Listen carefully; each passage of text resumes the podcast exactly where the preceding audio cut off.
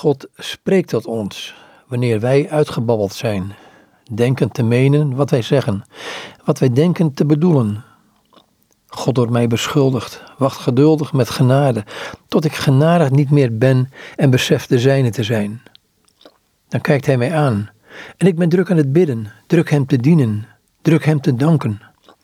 Hij wacht geduldig op mijn blik, uitgesteld door wat ik denk dat hij wil, zijn eisen, mijn schuld. En dan kijk ik hem in de ogen. En dan versmelt ik onder zijn blik. Zijn woorden, ik hou van jou, meer niet. Wenend stort ik mij voor hem neer. Dan wacht hij op die ene blik. Zijn liefde beantwoordt met wederliefde.